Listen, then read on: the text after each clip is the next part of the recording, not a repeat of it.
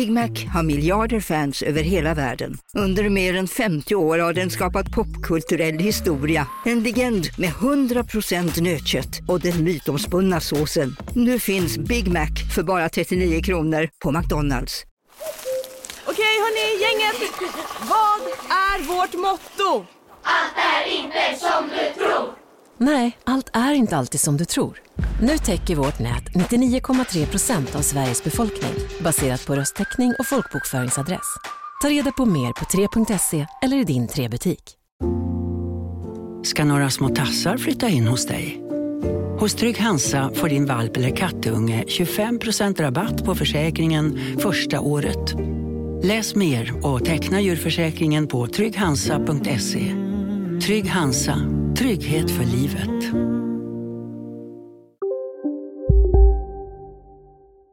Vi vill varna för att avsnittet innehåller beskrivningar av händelser som är våldsamma och kan vara obehagliga att lyssna på. Alldeles nyss lämnade åklagare Adam Rullman in åtalet mot de två kvinnor, 18 och 20 år, som sitter häktade misstänkta för mord och gravfridsbrott på 21-åriga Tove som försvann i Vetlanda. Fredagen den 17 mars väcker åklagare Adam Rullman åtal mot de två häktade. Efter fem månader i häkte kommer nu 18 och 20-åringen båda att åtalas för mord och grovt gravfridsbrott. 20-åringen åtalas även för skadegörelse då uppgifter om en anlagd brand dykt upp under förhören. Så jag ville inte att de skulle ligga i skogen helt själv. Det kändes liksom bättre att bränna upp någon. Jag kan förvänta mig en fällande dom och det anser jag att jag gör här. I samband med att åtalet väcks så lämnas det så kallade förundersökningsprotokollet in till Eksjö tingsrätt. Kommer det inte fram något nytt så skulle jag bli extremt förvånad om 18-åringen kommer att fällas för mord. She did a Google search on how to do this and she thought against it. And then finally the moment came where she got annoyed and she just said I'm going to do this. Det här är Försvunnen. En podcast av A Rabbit Hole för Nordio. Vill du höra avsnitten innan alla andra? Ladda ner Nordio-appen.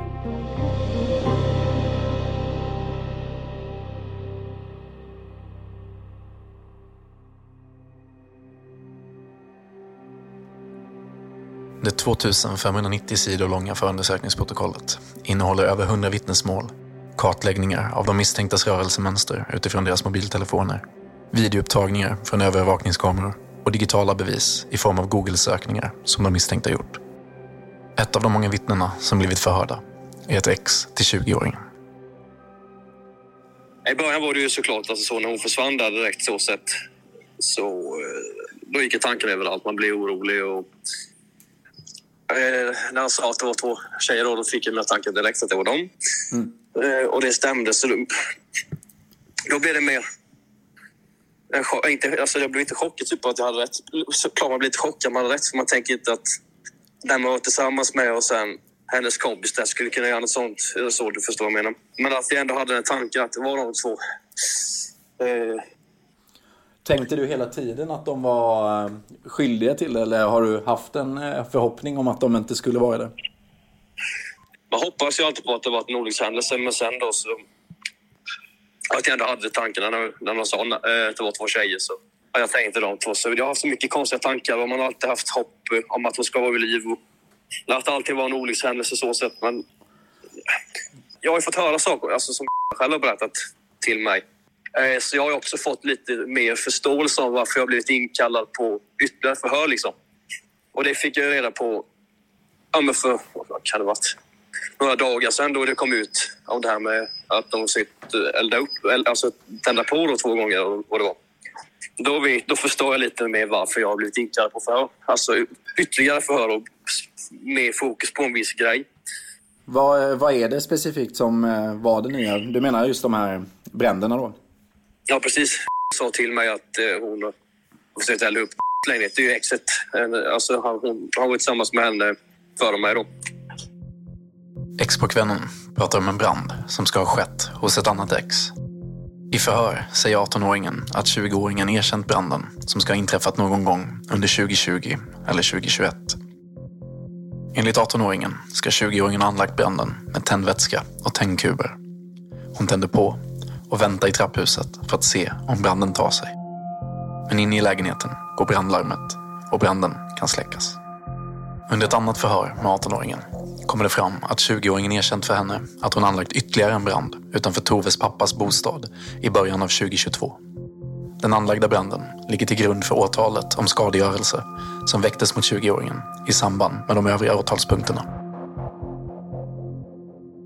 Jag är inte förvånad egentligen, alltså så. För jag, eh, med tanke på att de kunde göra så mot... Alltså en normal människa kan inte... Alltså har inte mage till och tänker inte ens att jag ska gå och tända på någons boende eller så. Det tänker inte en normal människa. Så jag menar, jag vet inte, jag vet inte det är läskigt. Och alltså, att man vara tillsammans med personer gör inte saker lättare. Det är, då får man ju tanke på att, men hade de kunnat göra någonting mot mig? Hade de tankar om att göra någonting mot mig? Det är mycket sånt med liksom. Mm. Nu kommer ju rättegången börja på måndag. Hur, hur går tankarna i Vetlanda? Hur, hur mår man liksom när man vet att det är dags för rättegång? Jag är nervöst och orolig, men jag är bara så... Jag, jag, jag själv är väl... Jag vill ha rättvisa för Tove och hennes familj. Så att, Vad hoppas du att det blir för resultat av rättegången om man säger? ja, det är värsta tänkbara för dem. Ja, jag är sjukt. Eh, alltså, alltså jag finner liksom inga ord för hur... Ja, jag är ju att hon har kunnat göra så mot Tove.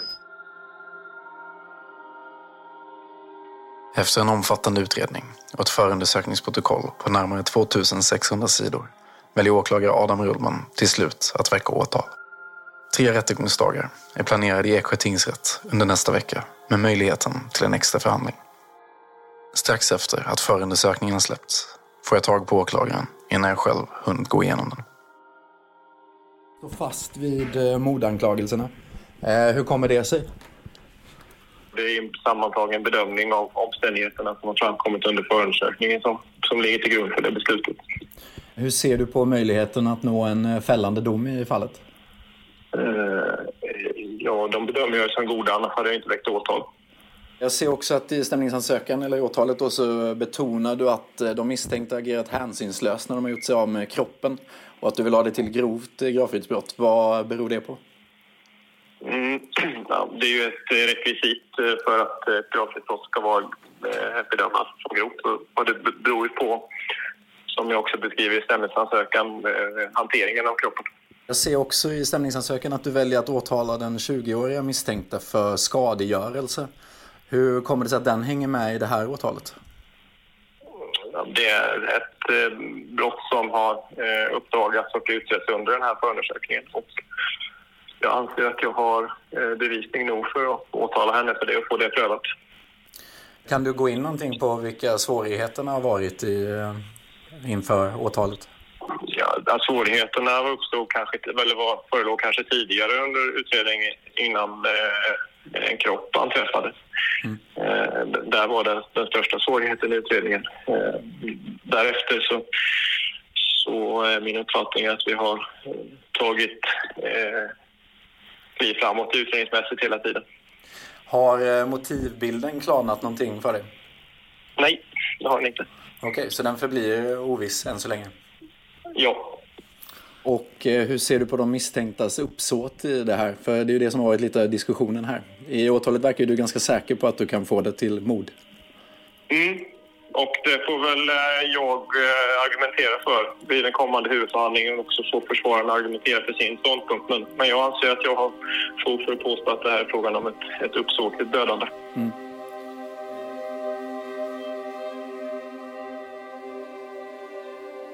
Inför den kommande rättegången lutar sig åklagaren mot sin utredning och verkar självsäker på att han kommer få en fällande dom mot de båda misstänkta. Han kommer att fortsätta driva linjen av att båda misstänkta uppsåtligt dödat Tove. Adam Rullman berättar även att det under utredningen dykt upp tillräckligt mycket bevis för att åtala 20-åringen för skadegörelse. Motivbilden är fortfarande oklar. I förundersökningen har en tidslinje etablerats det här är vad som har kunnat bekräftas. Någon typ av bråk sker mellan 20-åringen och Tove på nöjet natten mellan den 15 och 16 oktober. Vittnen har i förhör enbart bekräftat att det varit en hetsig stämning. Men det handgemäng som 20-åringen berättat om i förhör bekräftas inte av något vittne. De båda misstänkta väntar på Tove utanför nöjet och ber henne följa med hem för att reda ut bråket. Hemma hos 20-åringen inträffar de händelserna som leder till Toves död. Därefter transporterar de misstänkta Tove till fyndplatsen cirka en mil sydost om Vetlanda. På vägen kör de en runda för att göra sig av med Toves tillhörigheter. Vid fyndplatsen gömmer 20-åringen kroppen och försöker sätta den i brand. Medan 18-åringen väntar. I förhör berättar 20-åringen att hon även varit hemma i lägenheten och samlat ihop klädesplagg som tillhörde Tove. Dagen efter händelserna i lägenheten fångas 20-åringen på en övervakningskamera på Dollar Store när hon köper våtservetter, tre flaskor kemiskt ren bensin och ett lakan. När hon anländer till fyndplatsen ser hon att branden hon anlagt bara några timmar tidigare inte har tagit sig. Hon placerar Toves klädesplagg vid kroppen, häller på den kemiskt rena bensinen hon precis inhandlat och tänder på på nytt. I förhör berättar 20-åringen varför hon valt att försöka bränna upp kroppen. Ja, jag packade ju med en tändare, så det måste jag ju ha tänkt på. För jag tänkte att det var så obehagligt hela, hela alltihop. Och då fick jag en tanke om att det såg så ensamt ut. Att hon liksom bara låg där. Så jag ville inte att hon skulle ligga i skogen helt själv. Det kändes liksom bättre att bränna upp någon. Och det skulle bli mycket finare än att låta någon bli uppäten av djur liksom. 20-åringen fortsätter senare i samma förhör. Jag har alltid velat att min kropp ska bli kremerad. Så jag tänkte att det är väl så man gör när man bränner upp någon. Den 15 mars samlas familj och vänner vid den fotbollsplan där Tove brukade spela fotboll för att hedra henne med en minnesceremoni. En person som deltar vid minnesceremonin är Thomas Lönn. Hans dotter står Tove nära och han själv skrev en känslosam insändare i Vetlanda-Posten i november förra året. Ja, den, den här minnesstunden den ägde rum på kvällen klockan 19. Det, det, var, det var väldigt... Eh, man, man slogs av... Det var, det var många personer. Jag tänker att det var ett par hundra personer som kom till den här ceremonin då. Och det var väldigt tyst och sam, människor var samlade. Man, man märkte att man var gripen så att säga av stundens allvar. En i Toves familj. Mm. Eh, det var väl eh, hennes broder där som, som tog till orda och, och talade om då att vi, vi skulle, det skulle delas ut här ljuslyktor. Mm. Det var 50 stycken och de fördelades bland oss då och sen tände vi den här då och sen släppte, släpptes ju de här lyktorna iväg upp mot, mot himlen. Det var tyst, nästan ingen som sa någonting. Och det, det var en fantastisk eh, syn att se de här, när de liksom lyfte upp och försvann upp. Andaktsfull skulle jag säga. Så att eh, det var, det var en, en väldigt fin manifestation tycker mm. jag och hyllning då till, till Tove. Eh, det, det, det är svårt att ta in, det är det, kan jag säga. Man funderar mycket på hur, det, hur, hur sjutton kunde det här hända? Mm. Det är en sak att, att man blir osams och tjafsar med varandra men, men därifrån till att man faktiskt tar livet av en jämnårig Mm. människa. Det, det är väldigt långt.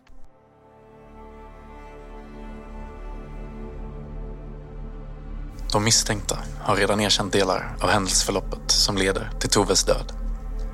Båda två har erkänt att de flyttar kroppen och 20-åringen har erkänt att hon brukar våld mot Tove som leder till hennes död. Men när det handlar om vad som faktiskt sker i lägenheten så skiljer sig deras berättelser. Enligt 20-åringen så anlände alla tre till hennes lägenhet Eftersom lägenheten renoveras så tar 20-åringen med gästerna på en rundtur. När de är på väg in i badrummet säger 20-åringen att hon får en knuff av Tove och reagerar därför med att fälla henne. Därefter uppstår en kamp som resulterar i att 20-åringen hamnar sittandes på Tove. 20-åringen säger att Tove tar ett strypgrepp på henne, varpå 18-åringen reagerar med att ta bort Toves händer och håller fast dem. 20-åringen tar då i sin tur ett strypgrepp på Tove som hon håller fast i 10 sekunder. Strax därefter inser hon vad som har hänt. 18-åringens beskrivning är däremot en annan. Enligt henne så går hon och lägger sig en stund när alla tre har kommit till lägenheten och väcks senare av 20-åringen som påkallar hennes hjälp för att bära kroppen. I ett senare förhör säger 18-åringen att 20-åringen berättar för henne dagen därpå om hur det hela ska gå till. Enligt 18-åringens återgivelse ska ett bråk ha uppstått mellan 20-åringen och Tove under tiden hon ligger och sover. Under bråket ska 20-åringen ha knuffat in Tove i badrummet och därefter knuffat ner henne på golvet. Sedan låst dörren för att 18-åringen inte ska höra. Väl inne i badrummet begår 20-åringen dådet själv, enligt 18-åringens förklaring.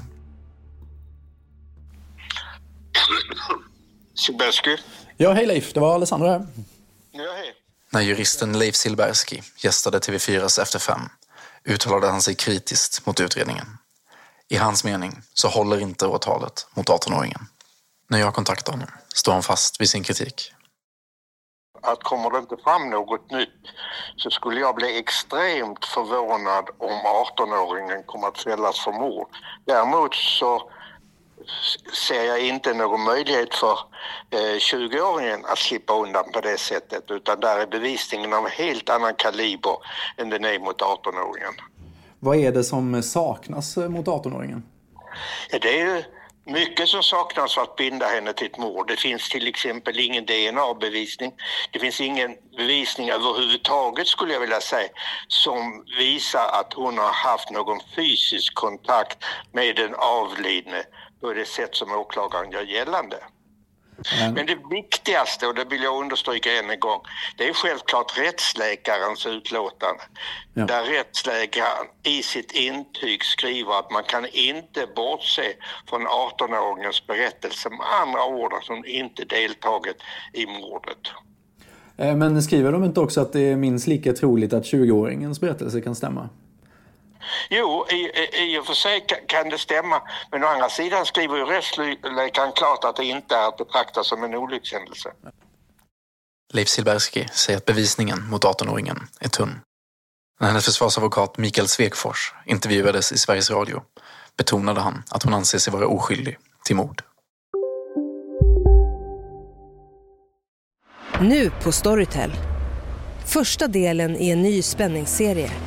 En liten flicka hittas ensam i en lägenhet. Hennes mamma är spårlöst försvunnen. Flickans pappa misstänks för brottet men släpps fri trots att allt tyder på att han är skyldig. Olivia Oldenheim på åklagarkammaren vägrar acceptera det och kommer farligt nära gränsen för vad hon i lagens namn tillåts göra. Lyssna på När allt är över av Charlotte Al-Khalili på Storytel. Välkommen till Maccafé på utvalda McDonalds restauranger med Baristakaffe till rimligt pris. Vad sägs om en latte eller cappuccino för bara 35 kronor? Alltid gjorda av våra utbildade baristor. Hej Sverige! Apoteket finns här för dig och alla du tycker om.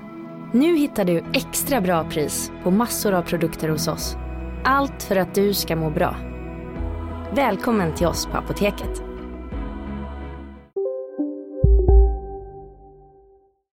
Ja, jag står ju vid det som vi har eh, pratat om tidigare att eh, min klient har inte varit delaktig i något mord. Han har inte ens befunnit sig i samma rum. Leif Silbersky, igen. De starkaste bevisen ligger ju helt mot 20-åringen. Hennes eget agerande, hennes eh, sätt att agera under förundersökningar, att liksom förneka ända in i, i det sista tills hon gav med sig och hennes berättelse som inte backas upp av rättsläkaren. Det räcker menar jag för att fälla henne för mord på sätt åklagaren ger gällande. Något motsvarande finns ju inte för 18-åringen och därför menar jag att åtalet kommer att ogillas. Men låt mig lägga in en brasklapp allt det jag säger nu bygger ju på att det material som finns nu inför huvudförhandlingen inte förändras genom att det tillkommer kanske någon ny bevisning eller att folk som har uttalat sig på ett visst sätt ändrar sina uppgifter eller till och med de tilltalade kanske ändrar sina uppgifter. Okay. Och då kan situationen helt förändras. Men det jag talar om i dagsläget det är den situation vi har med den av åklagaren angivna bevisningen i stämningsansökningarna. Hur ser du eh, på eh, bevisningen om man jämför med mål med liknande brottsrubriceringar? Är, den, eh, är det mycket eller är det en helt normal mängd bevis? Eller hur brukar det se ut just vid sådana här brott? Det ser ut ungefär som det gör i det här målet. Det är ofta så att det finns ju ingen direkt bevisning utan det blir ju indirekt bevisning. Och här har man ju väldigt mycket när det gäller 20-åringen genom att man har sms, man har hennes egna uttalanden, man har eh, den medicinska utredningen och så vidare och så vidare. Medan när det gäller 18-åringen, som jag sa tidigare, så finns det otroligt lite som skulle visa att hon är inblandad på det sättet som åklagaren gör gällande. Och det här målet skiljer sig inte från andra mordmål, skulle jag vilja säga, av liknande kaliber. I det här fallet så nekade man ju väldigt länge innan man väl började erkänna. Vad, kan man säga någonting om vad det beror på? Eller är det bara att kanske inte klienten har berättat heller för sin advokat hur det har varit? Det, det, det, det är så det brukar gå till att Mm. Folk, och det, folk brukar ju som blir misstänkta för brott försöka komma undan och ett sätt att komma undan är ju det är att förneka att man har gjort sig skyldig till brott och liksom syna de kort som eventuellt åklagare och polis har. Mm. Så att det här skiljer sig inte på något sätt från andra utredningar. Nej. Eh, vad innebär det för en som försvarare när ens klient version då av ett händelseförlopp inte stämmer överens med en annan misstänkt? Eh, liksom, vilka, ställs man för någon svårighet för det som försvarare? Nej, är man en erfaren och duglig och kunnig advokat så är det inga problem. Därför jag brukar säga att man ska ju agera som advokat som klienten själv skulle agerat om klienten hade mina kunskaper och min erfarenhet.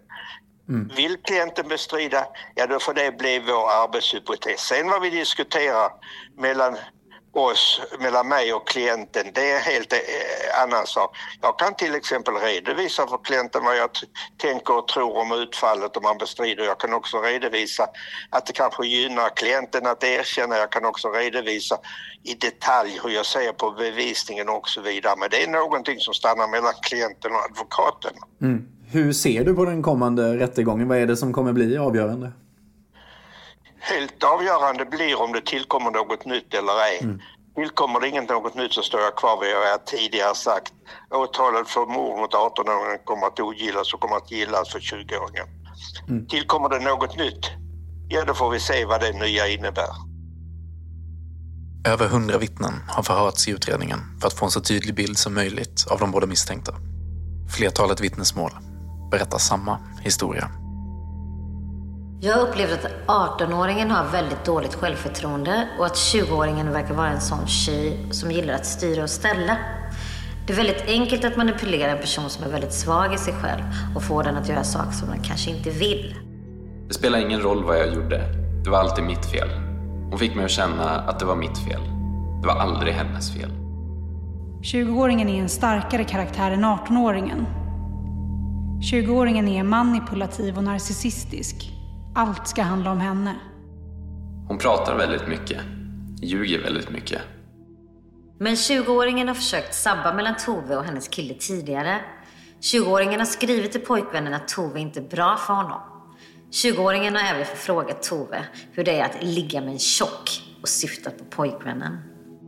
Vi lärde känna varandra på högstadiet i sjuan. Vi hamnade som bänkkompisar. Hon var den mest oskyldiga personen då.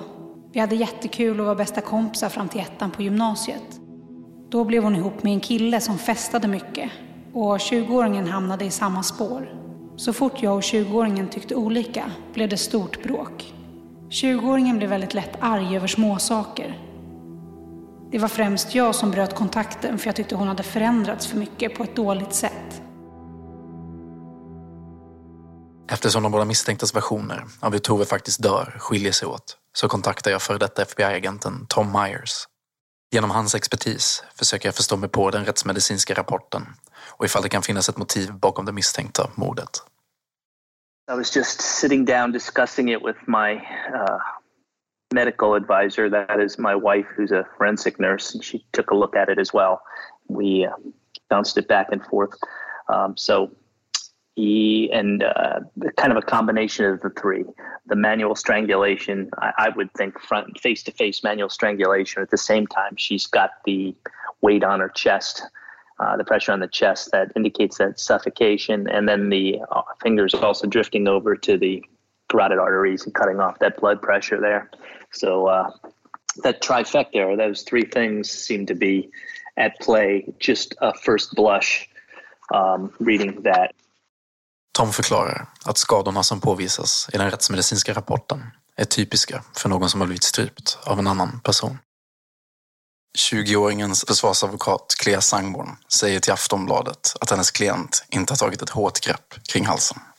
Ja, min klient hon erkänner att hon är ett bråk med målsäganden och efter att målsäganden tagit ett grepp runt min klients hals har hon svarat med att ta ett kortvarigt grepp runt målsägandens hals och min, min klient bestrider ansvar för mord.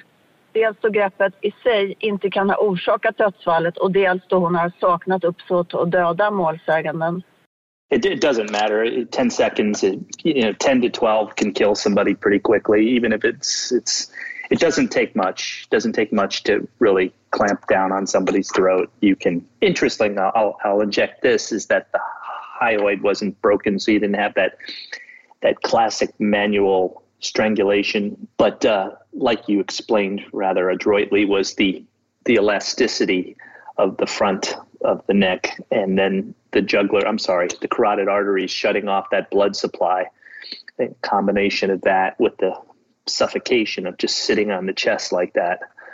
Of course, the stunning to the back of the head that could cause, you know, that that uh, sudden shock to the back of the head that she went down really hard. And that sounds like what the neighbor says when somebody fell. So she must have really hit her pretty good. And then when she went down in the back of her head and she had alcohol in her system. There's another contributor to to de- deadening of the senses. So i think they, she must have been on her right away or she went out when she went down or she slapped her head on the ground right afterwards you know shook shook her head or or slammed her head down and, and put her out afterwards. So she was so semi-conscious that she couldn't really defend herself at all. And uh, yeah, she got on her pretty good. Enligt honom så krävs varken särskilt lång tid eller särskilt mycket styrka för att lyckas strypa en annan människa. Han fortsätter med att teoretisera på samma sätt som rättsläkarna har gjort. Att 18-åringens förklaring kan stämma i det fall Tove slagit i bakhuvudet när hon fallit i golvet och blivit så pass desorienterad att hon inte kunnat avvärja 20-åringens angrepp. Tom berättar att det även kan ha varit så att 20-åringen överrumplar Tove så fort hon har landat på golvet och att skadorna i bakhuvudet uppstår med hjälp av 20-åringen. Now, here's what causes me to say it was very haphazard is you're, you're dumping a body and you're, you're, you know, it doesn't show that. So it kind of leads me to say, well, what's going on? Do we have a, a mixed bag here, or is she just a really poor, uh, you, you know, an inept murderer? Maybe you know she needs to watch more forensic files because if you really wanted to do this the way is bring her away from any other witnesses certainly not have a neighbor walk upstairs and say what was that big thump and then she has to say i dropped the couch or something and then go get a burger and come back and create all of this other stuff that happened. She did a Google search on how to do this and she thought against it. And then finally, the moment came where she got annoyed and she just said, I'm going to do this, which is uh, dreadful. It's just dreadful. Yeah. Det Tom tycker sticker ut i utredningen är att 20-åringen verkar ha haft tanken på att skada sina ovänner under en längre period. I 20-åringens sökhistorik hittar polisen bland annat sökningar på hur man mördar någon diskret Bästa hämnden på en ex-vän. Bästa hämnden på en vän. So I don't know what the motivation on something like this would possibly be and what she's trying to accomplish other than satisfying her own um, angst, you know, her her own yeah feelings of that, and that's really really short-sighted planning. I, I guess I would say either, you know, if you're going to be a good person or even if you're a murderer, it's short sighted because you're leaving all sorts of evidence beyond. I, I, know that sounds rather dark how I say that, but you have to think that way to solve these things. Like, how did they go about doing that? Yeah, why, how would how would I do it? And uh, that's that's how you yeah you get that that that done well. Yeah. Han beskriver att för att lösa den här typen av brott krävs att man tänker sig in i den misstänkta mördarens upplevelse. Han understryker att det låter makabert, men att han anser att händelserna efter det misstänkta mordet varit slarviga utifrån den misstänktas perspektiv.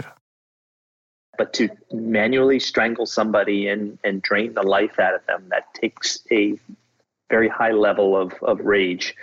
And uh, that's not an easy thing to do.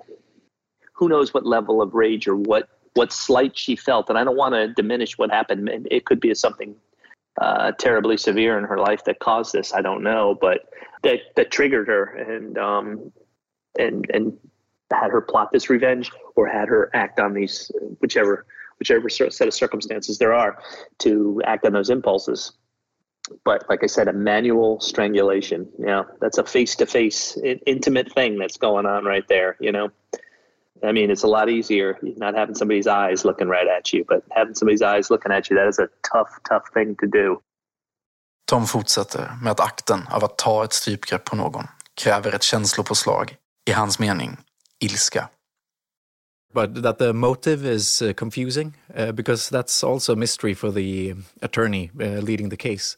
He's said several times that the motive is still unclear to him, and it seems like you you don't really know either, or at least you you're closing in on a on a theory. But some people, it just bothers them to the point where they can't let it go, and then they have to act on it. And it's fortunately a, a rare person that has to act on it, but yeah. this seems to be the case here. Tom kan inte heller komma fram till någon tydlig motivbild, men han har känslan av att 20-åringen byggt upp ett hat över tid som hon har svårt att släppa. But um, your main view on this case, it feels like you consider it pretty shut case, or am I interpreting you wrong? No, I, I think it's it's obviously I have the internal bias coming right away because it's gone to trial. So I'll sit there and go, there must be enough to where they're feel, they're feeling confident enough to get a conviction on this case. That's the criminal justice systems across across the globe for the most part. But that being said, you know, is there any possibility that something else happened on this? uh, boy, I just don't see it. I mean, the three the three lines of injuries, uh, mechanisms of death that happened to her, and her statements, and the neighbor, and then the actions afterwards, um, the actions ahead of time. Let, let's let's let's take each portion of this and remove it.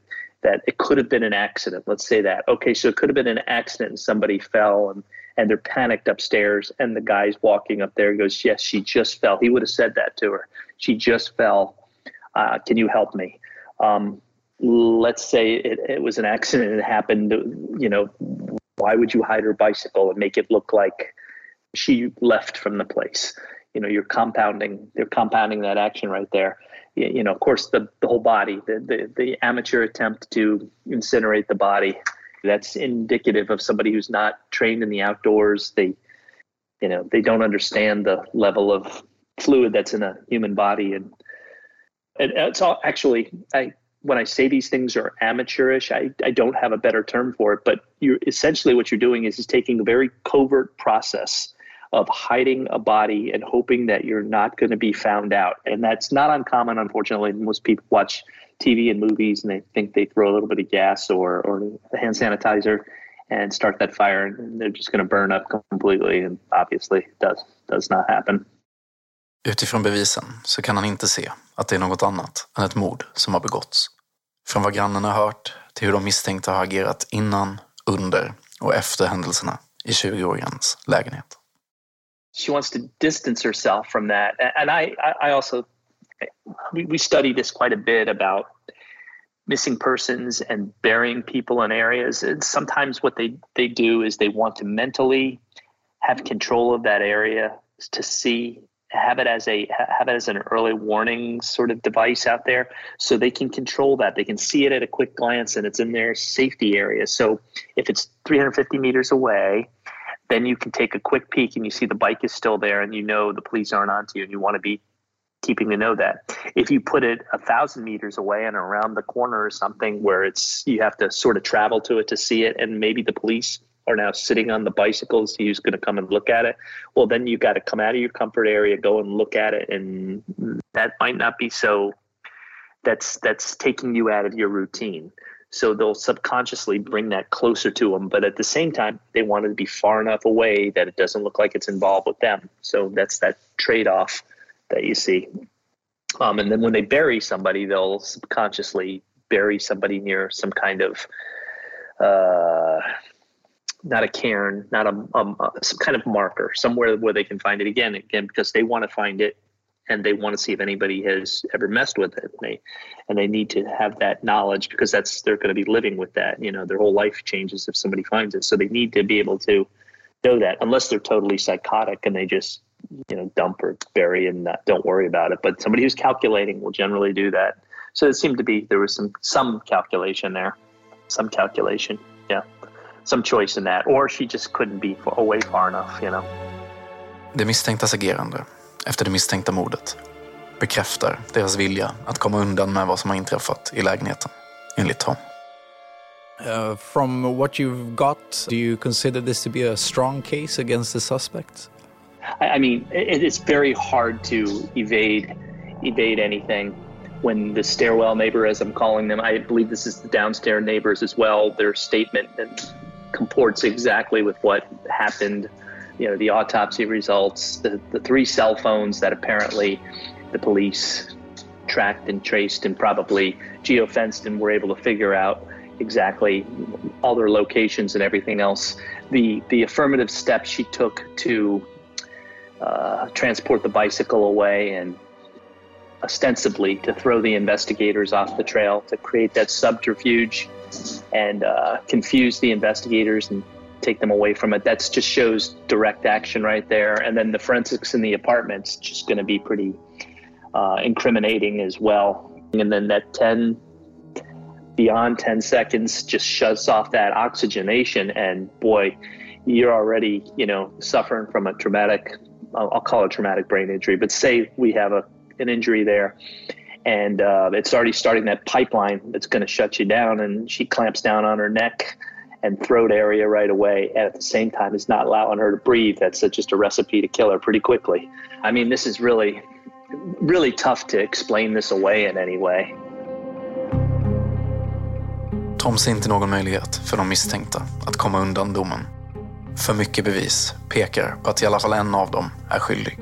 Allt från grannens vittnesmål till skadorna på kroppen och annan teknisk bevisning talar starkt för att det är ett mord som har begåtts.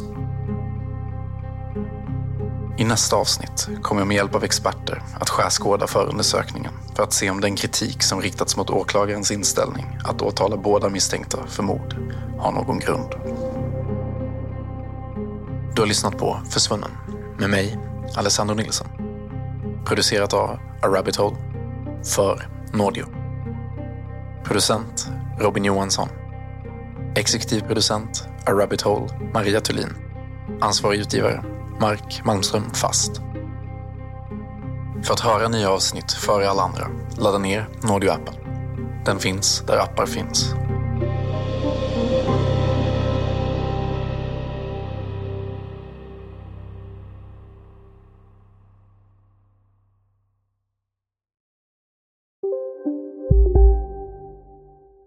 Välkommen till Maccafé på utvalda McDonalds restauranger med Baristakaffe till rimligt pris. Vad sägs om en latte eller cappuccino för bara 35 kronor? Alltid gjorda av våra utbildade baristor. Hej, Synoptik här. Livet med glasögon ska vara bekymmersfritt. Därför får du 30% på alla glasögon när du väljer Synoptik All Inclusive. All service ingår alltid. Välkommen till Synoptik. Hej, Susanne Axel här. När du gör som jag och listar dig på en av Krys vårdcentraler får du en fast läkarkontakt som kan din sjukdomshistoria. Du får träffa erfarna specialister, tillgång till lättakuten och så kan du chatta med vårdpersonalen. Så gör ditt viktigaste val idag, lista dig hos Kry.